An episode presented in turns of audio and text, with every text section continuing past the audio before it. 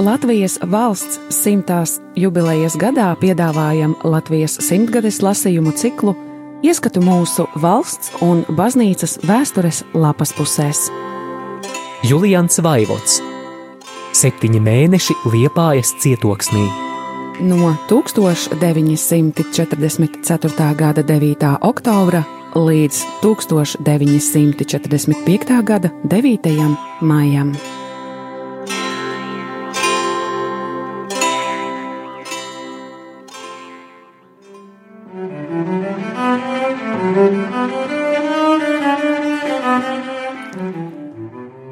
1945. gada 26. janvārī. Nu pat tik pārnāca no patvērtnes. Pēc garāka laika bija pirmais vakara uzlidojums. Diena arī bija ļoti nervoza, jo laiks skaidrs un izlūku lidmašīnas jau vairāk kārt parādījās virs pilsētas. Trauksme vakarā tomēr ilgi neturpinājās. Zenīta artērija gan šāva, bet vai kur arī bumbas tika mestas, nezinu. Bail pat padomāt, kas būtu, ja tagad pilsētai vajadzētu atkal pārdzīvot uzbrukumus līdzīgus agrākiem. Jau veselu nedēļu sals ar katru dienu pieņemas. Šovakar jau 15 grādu, un pulkstenis vēl tikai 19. Cik grādu būs ap 24 naktī vai agrā rītā? Briesmīgi būs, ja iestāsies ilgstošs sals, jo logi visā pilsētā izbiruši un tikai provizoriski ar dēļiem vai finieri aiztaisīti ciet. Vispārējais malkas trūkums, jo šogad privātiem malka nemaz netiek izsniegta. Jāiztiek ar to, ko kaut kur sagrabina no izlaustiem žogiem vai sabombardētajām mājām Vietās, kur karavīri tēš zaļus baļķus kaut kādām nocietinājumu vajadzībām, sieviņas stāv rindās gaidīdamas, kamēr kāda skaida atlēks. Kā ar tādu malku var sasildīt dzīvokli ar cauriem logiem, to nevar saprast. Arī drēbes strādnieka cilvēkam jau iet uz beigām, jo tik daudzus gadus nekas no apģērba nenāk klāt.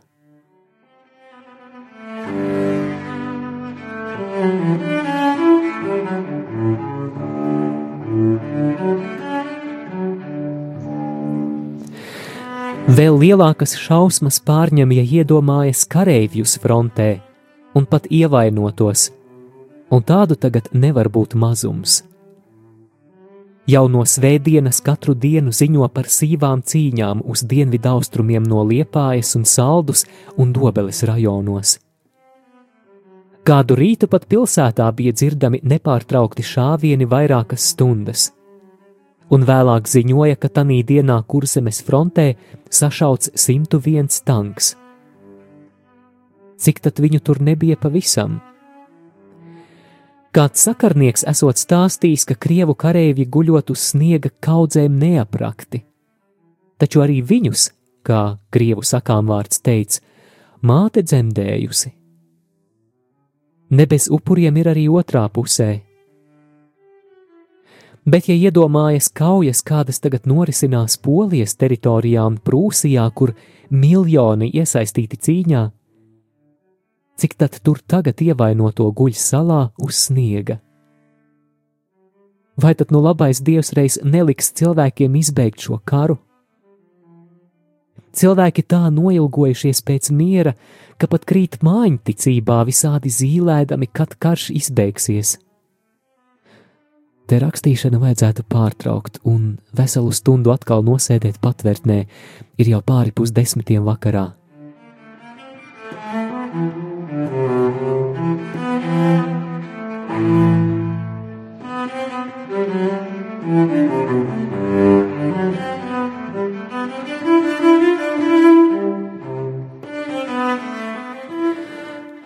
Svētā Jāņa parādīšanas grāmata tagad vispopulārākā lasāmviela, un ko tik tur kurš tagad neatrod? Te pilnībā var teikt, ka cik galvu, tik prātu. Bet ar svētiem rakstiem vien nepietiek, darbā tiek laisti galdi, šķīvi un pēdējais izgudrojums - atslēga uz evaņģēlīja grāmatas. cik termiņi kara beigām jau nav bijuši noteikti, bet diemžēl neviens līdz šim nav piepildījies. Tagad nu nezinu, kāpēc gaida tieši 17. februāri. Varbūt, ka februārī karš arī izbeigsies, tikai nav teikts, kādā gadā. Krievi par tādu gaidīšanu teica: Žģi umorja pagaģi. Grūti gaidīt mieru tad, kad iesācies visbriesmīgākais šī kara posms. Šis posms ir tagad izraisījis traģēdiju miljoniem civiliedzīvotāju uz tām polijas zemēm, kur nu pat notiek cīņas. Krievu ofensīva ir pieņēmusi tik strauju gaitu, ka grūti būs evakuēties visiem, kuri to vēlas. Arī daudzi mūsu zemes izbraucēji bija apmetušies vācu okupētajā Polijā. Ap jaungadu, piemēram, uz Kališas apkārtni aizbrauca kāda ģimene no Liepājas, un tagad radi saņēmuši vēstuli, kurā aizgrābjoši tēloti dzīves apstākļi un pat medību prieki kādā lielā muižā. Bet iekams vēstule šurp atnākusi, Kališā jau notiek ielu cīņas. Atkal jābēg uz citu vietu, un kur lai bēgļu miljoni atrod patvērumu? Te nu gan jāsaka svēto rakstu vārdiem: Lūdziet Dievu, ka jūsu bēgšana nenotiek ziemā. Un vēl sevišķi tādā salā kā tagad.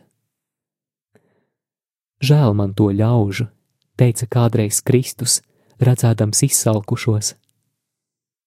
Vēl vairāk nožēlojami šodien tie miljoni izsalkušo, izsalušo un bēgļu gaitās izmocīto Mēnešiem ilgi cilvēki brauca no Latvijas, Vidzemes vai Zemgales līdz tuvākai ostai. Cik ciešanu iekams atrada patvērumu svešā zemē? Daudziem no viņiem tagad jāuzsāk jaunas bēgļu gaitas, un viens dievs tikai zina, kur ceļam gals.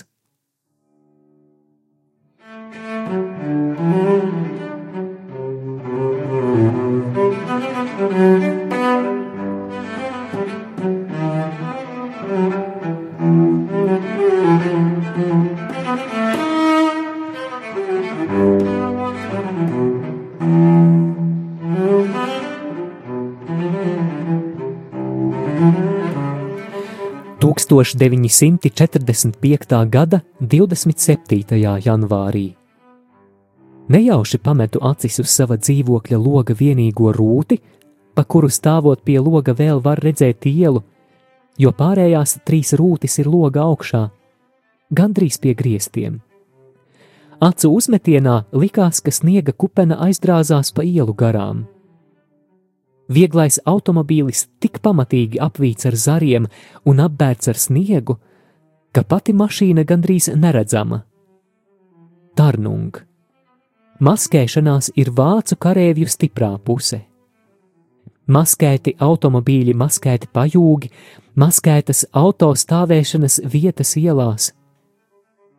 Vēl vairāk, gandrīz katrs automobīlis savā stāvēšanas vietā vai nu līdz pusē ierakt zemē, vai viņam ielas malā no baļķiem uztaisīts stiprs aizgalds. Tāpēc dažas ielas tagad izskatās pēc lielas, modernas cūku kūts. Pa vidu plata, brīva eja, un katrā pusē starp koku rindām un namu sienām stiepjas vesela rinda aizgaldu.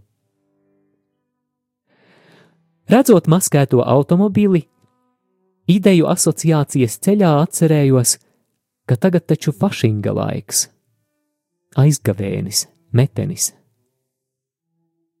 Vēl tikai pirms dažiem gadiem šī laikā ne tikai sabiedrībā runāja, bet arī avīzēs rakstīja par masku ballēm, par skaistajām maskām un to godalgošanu.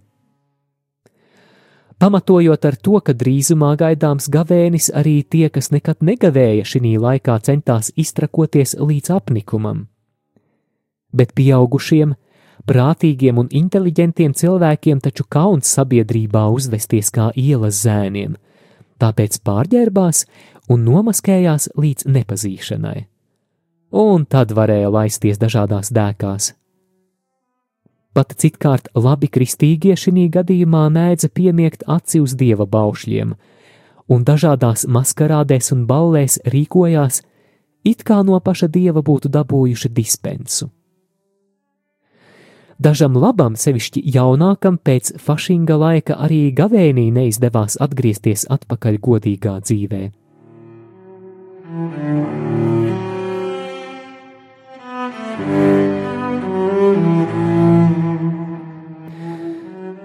Nezinu, vai šogad kādā Eiropas stūrī rīko fašingus.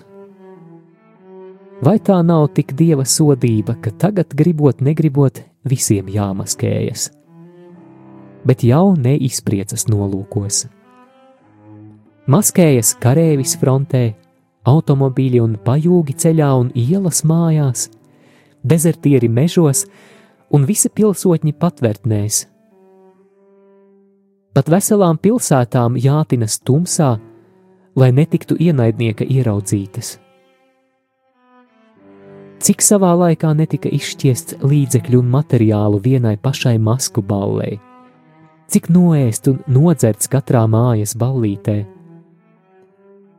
Tagad velk ārā vecās lupatas un stiķē kopā, lai dabūtu kādu nepieciešamu apģērba gabalu vai siltu segu. Aizmirsti tie laiki, kad nama mātēm grūti bija izšķirties, kādu gaļas vai desas gabalu pirkt, jo viens bija par treknu, cits atkal par liesu. Tagad jau zirga gaļa vispārējā lietošanā, un visi pie tās tā pieraduši, ka pat slavēja, ja gadās kāds jaunāka un treknāka zirga gabals. Tikai bērni vēl reizēm dzeni jokus pēc pusdienām, kurās ēduši zirga cepeti. Pirms dažām dienām iegāju kādā dzīvoklī, kur visi sēdēja pie pusdienu galda. Bērni smēkā kutināti, bet māte dusmīga. Prasu, kas noticis. Ģimenes māte sāk stāstīt, ka bērni, ēstami zirga cepeti, uzreiz visi sākuši kā zirgi zviegt, īgāgā! Un pati rezignēti piebilst, ka labi, ja vēl zirga gaļa esot.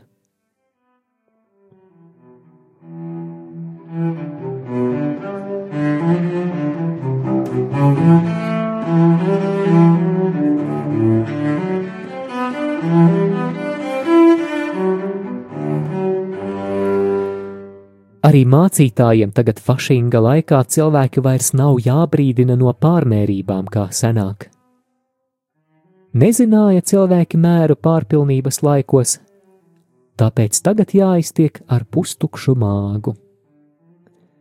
Kāda austrumnieku teika stāsta, ka cilvēkam nākot pasaulē, Dievs noliekot, cik viņam dzīves laikā vajagot apēst jo nesātīgāks cilvēks, jo īsāks viņa mūžs. Kad cilvēka barības mērs tukšs, tad viņam esot jāmirst.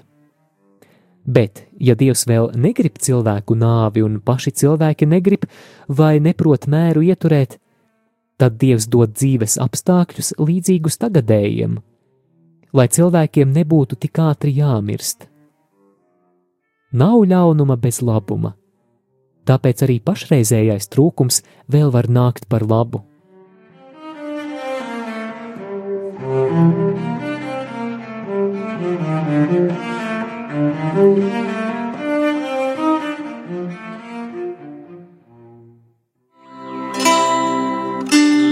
Radio Marija Latvija ēterā Latvijas simtgadēji veltīti lasījumi. Julians Vaivots septiņi mēneši Liepājas cietoksnī. No 1944. gada 9. oktobra līdz 1945. gada 9. maijam.